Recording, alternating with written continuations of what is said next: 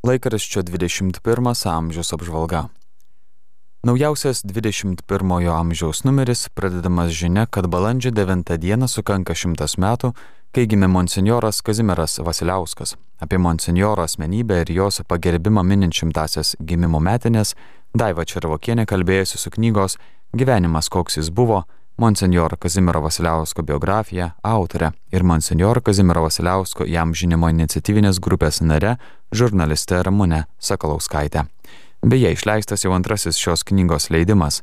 Medžiagą knygai ji rinko kalbindama žmonės, lankydama Monsenjoro gyvenamasias vietas, vartydama archyvus. Tai truko ketverius metus. Kai neskubi, patenki ten, kur ir turėtum. Jutau plika akimi nematomą Monsenjoro veikimą sakė Ramūnė Sakalauskaitė.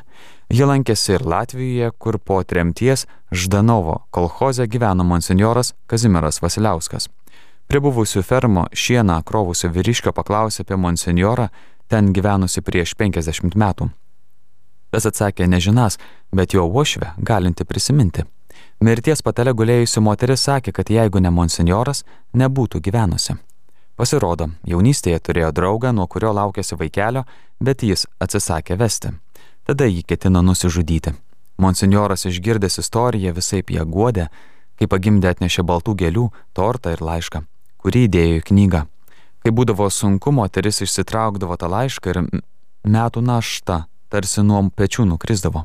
Monsignoro gyvenimo moto buvo - yra šviesos ir tamsoje Šis poeto Jurgio Baltrušaičio eilėraščio fragmentas iškaltas ir ant jo paminklo Vilniaus Antakalnio kapinėse.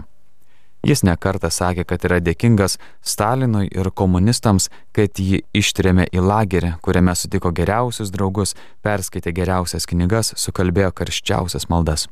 Paklaustas, kaip gyvena, jis dažnai atsakydavo, stengiuosi šventai, bet neišeina. Vis minėdavo, kad labai lengva žmogų pasmerkti, o suvokti, kodėl jis vienaip ar kitaip elgėsi, labai sudėtinga. Kiekvienas žmogus jam buvo vertas pagarbos ir užuojautos. Justinas Marcinkievičius jį vadino vaikščiančią meilę. Autorės pažinti su monsinjoru prasidėjo nuo sąjūdžio, kuriame abu dalyvavo. Atgimimo metų pažintis tęsiasi iki jo mirties. Įsigijusi automobilį Ramonė Sakalauskaitė tapo monsinjoro šoferiu, kaip jis sakydavo. Kanauninko Andrėjaus Sabaliausko reportaže irgi rašoma apie Ramūnės Sakalauskaitės apsilankymą Telšių vyskupo Vincento Borisevičiaus kunigų seminarijoje, kur jį kalbėjo apie pažinti su monsinjoru Kazimiero Vasiliausku. Beje, Ramūnė Sakalauskaitė paminė vietovės, kur dar bus pristatoma jos knyga ir pasakoja, kaip bus jam žinomas monsinjoras Kazimieras Vasiliauskas. Mindaugas Buika 21 amžiuje spausdinamame tekste Romos kurijos reforma apžvelgia naująją popiežiaus Pranciškaus apaštalinę konstituciją Predičiate Evangelium - Skelbkite Evangeliją, kurioje išsamei aptariama jo pertvarkyta Romos kurijos struktūra, labiau ją pritaikant bažnyčios misijų tarnystėj pasaulyje. Reikšminga naujovė yra tarnavimo artimo meilį dikasterijos įkūrimas. Į du skyrius padalinta naujoji kultūros ir švietimo dikasterija, kuri sujungs iki šiol savarankiškai veikusias katalikiškojo švietimo kongregaciją ir popiežiškąją švietimo tarybą. Kuningas Vitenis Vaškelis primena, kad ateinantį sekmadienį švesime verbas ir rašo, kad Dievo sūnui priderėjo būti išaukštintam prieš kančią. Jis visavaldis karalius, ateinantis viešpaties vardu. Tačiau anuomet, užuot visatos šeimininkas į Jeruzalę atjojęs ant eiklaus žirgo ar atvykęs Pošniausia karieta užsėdo ant asilaičio, simbolizuojančio meilės tarnystėje svarbumą ir jodamas liudijo neturinti analogų nuolankumą. Mesijui daugybė žmonių tiesia ant kelio savo drabužius, kiti klojo žalias šakeles. Keliuose 21 amžiaus puslapiuose informuojama apie valdžios primtus sprendimus, pranešama, kaip juos sekasi vykdyti. Sodra praneša, kad vienišos mens išmoka po 32 eurus šiemet gavo daugiau kaip 140 tūkstančių gyventojų, o beveik 170 tūkstančių nepasiturinčių asmenų balandžio mėnesį gaus paramą maisto produktais. Nors kaukių dėvėjimas jau tik rekomenduojamas, bet patariama nepamiršti hygienos įpročių. O Seimo ateities komitetas diskutavo apie pabėgėlių padėtį Lietuvoje, jų integraciją ir galimas perspektyvas. Laikraščio priede Sidabrinė gyja Bronis Vertelka susitiko su keliais aukštatijos pensininkais ir stebėjosi jų aktyviu gyvenimu. Jie kuria įvairius rankdarbius, pina krepšius, drožia šaukštus, druskinės, cukrinės ir kitus medžio dirbinius, nesėdi namuose be darbo, o visi juda ir kažką veikia. Priede sidabrinė gyja rasime ir vienišos maltiečių lankomos moters gyvenimo istoriją. Apžvalga parengė laikraščio 21 amžius redakcija. Balandžio mėnesio maldinėlio Magnificat pristatymas. Žingsnis po žingsnio artėjame prie prisikėlimo įvykio šventimo. Vilėmės, kad šiemet į Velykų tridienį jau galėsime rinktis gyvai. Tiesa, net ir pandeminis šventimas turėjo savų pliusų. Šeimos galėjo atrasti naujų formų, ženklų, simbolių, kaip įvairiausio amžiaus namiškiams padėti geriau suprasti ir išgyventi šias kiekvienam krikščioniui svarbės dienas. Verta tai, kas pasiteisino išsaugoti. Tačiau jei kas nors dar nesate dalyvavę Velykų tridienio pamaldose su visa bažnytinė bendruomenė, labai kviečiame. Apie didžiojo ketvirtadienio ir penktadienio pamaldų esmę, liturginio apieigų prasme jau buvo pasakota ankstesnių metų Velykiniuose numeriuose. Šį kartą kuningas Valdemaras Širvinski padės daugiau sužinoti apie Velyknakčio šventimą. Tai gera pagalba jam pasirenkti. Jo straipsnėje perskaitysime ir prelato Stasio Žilio minčių iš knygos Gyvoji liturgija. Visus didžiosios savaitės, tad ir Velykų tridienio tekstus šiemet rasite vienoje balandžio numerio knygelėje. Atskiros didžiai savaitai skirtos knygelės nusprendėme nebeleisti.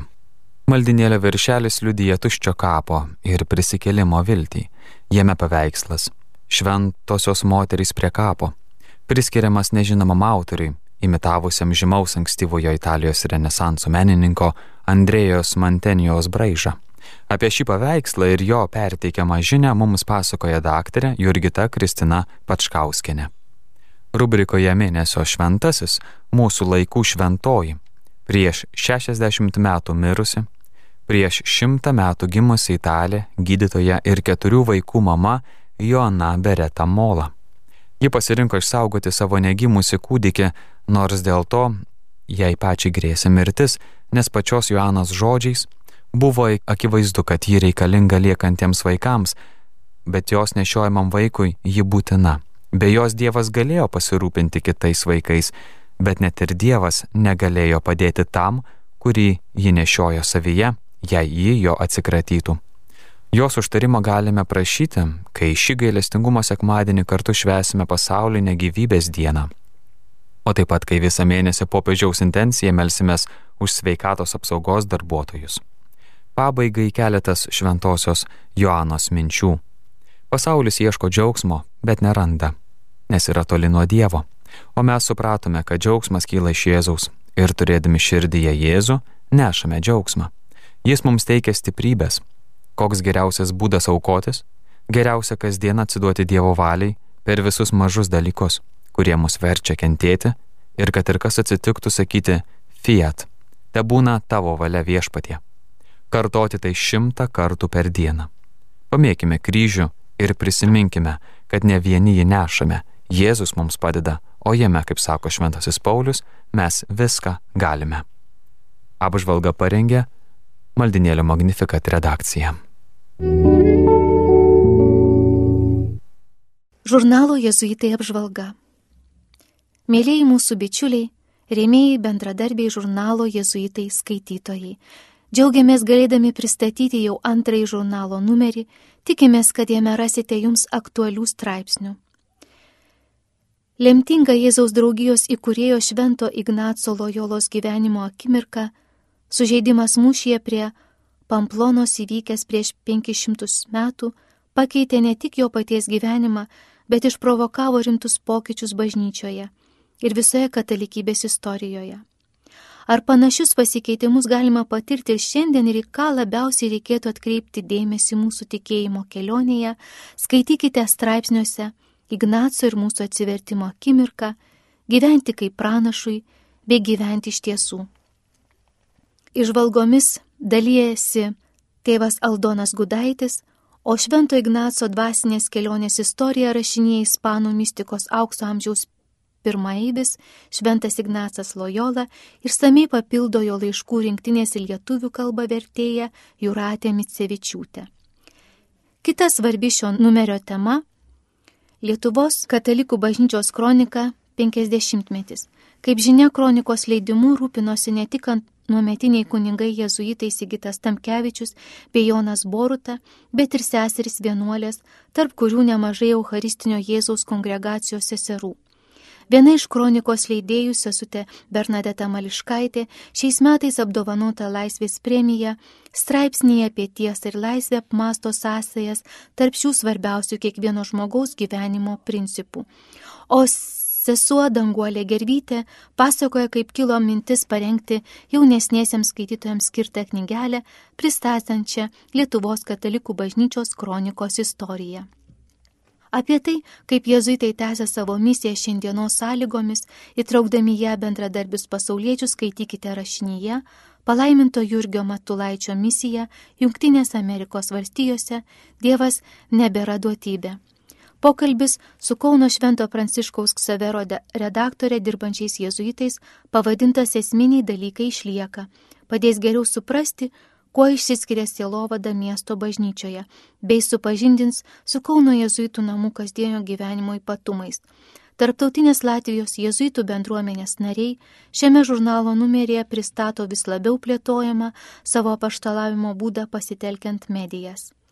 Į klausimą, Ką man davė magis, atsako keletas šios jaunimo sielovados programos dalyvių, o Kauno jezuitų gimnazijos plėtros skyriaus specialistė Liauda Mažiekienė savo pasakojimų žurnale paliūdija tai, kokios galimybės jai atsivėrė ignaciškai keliat pažinus kaip savo gyvenimo krypti.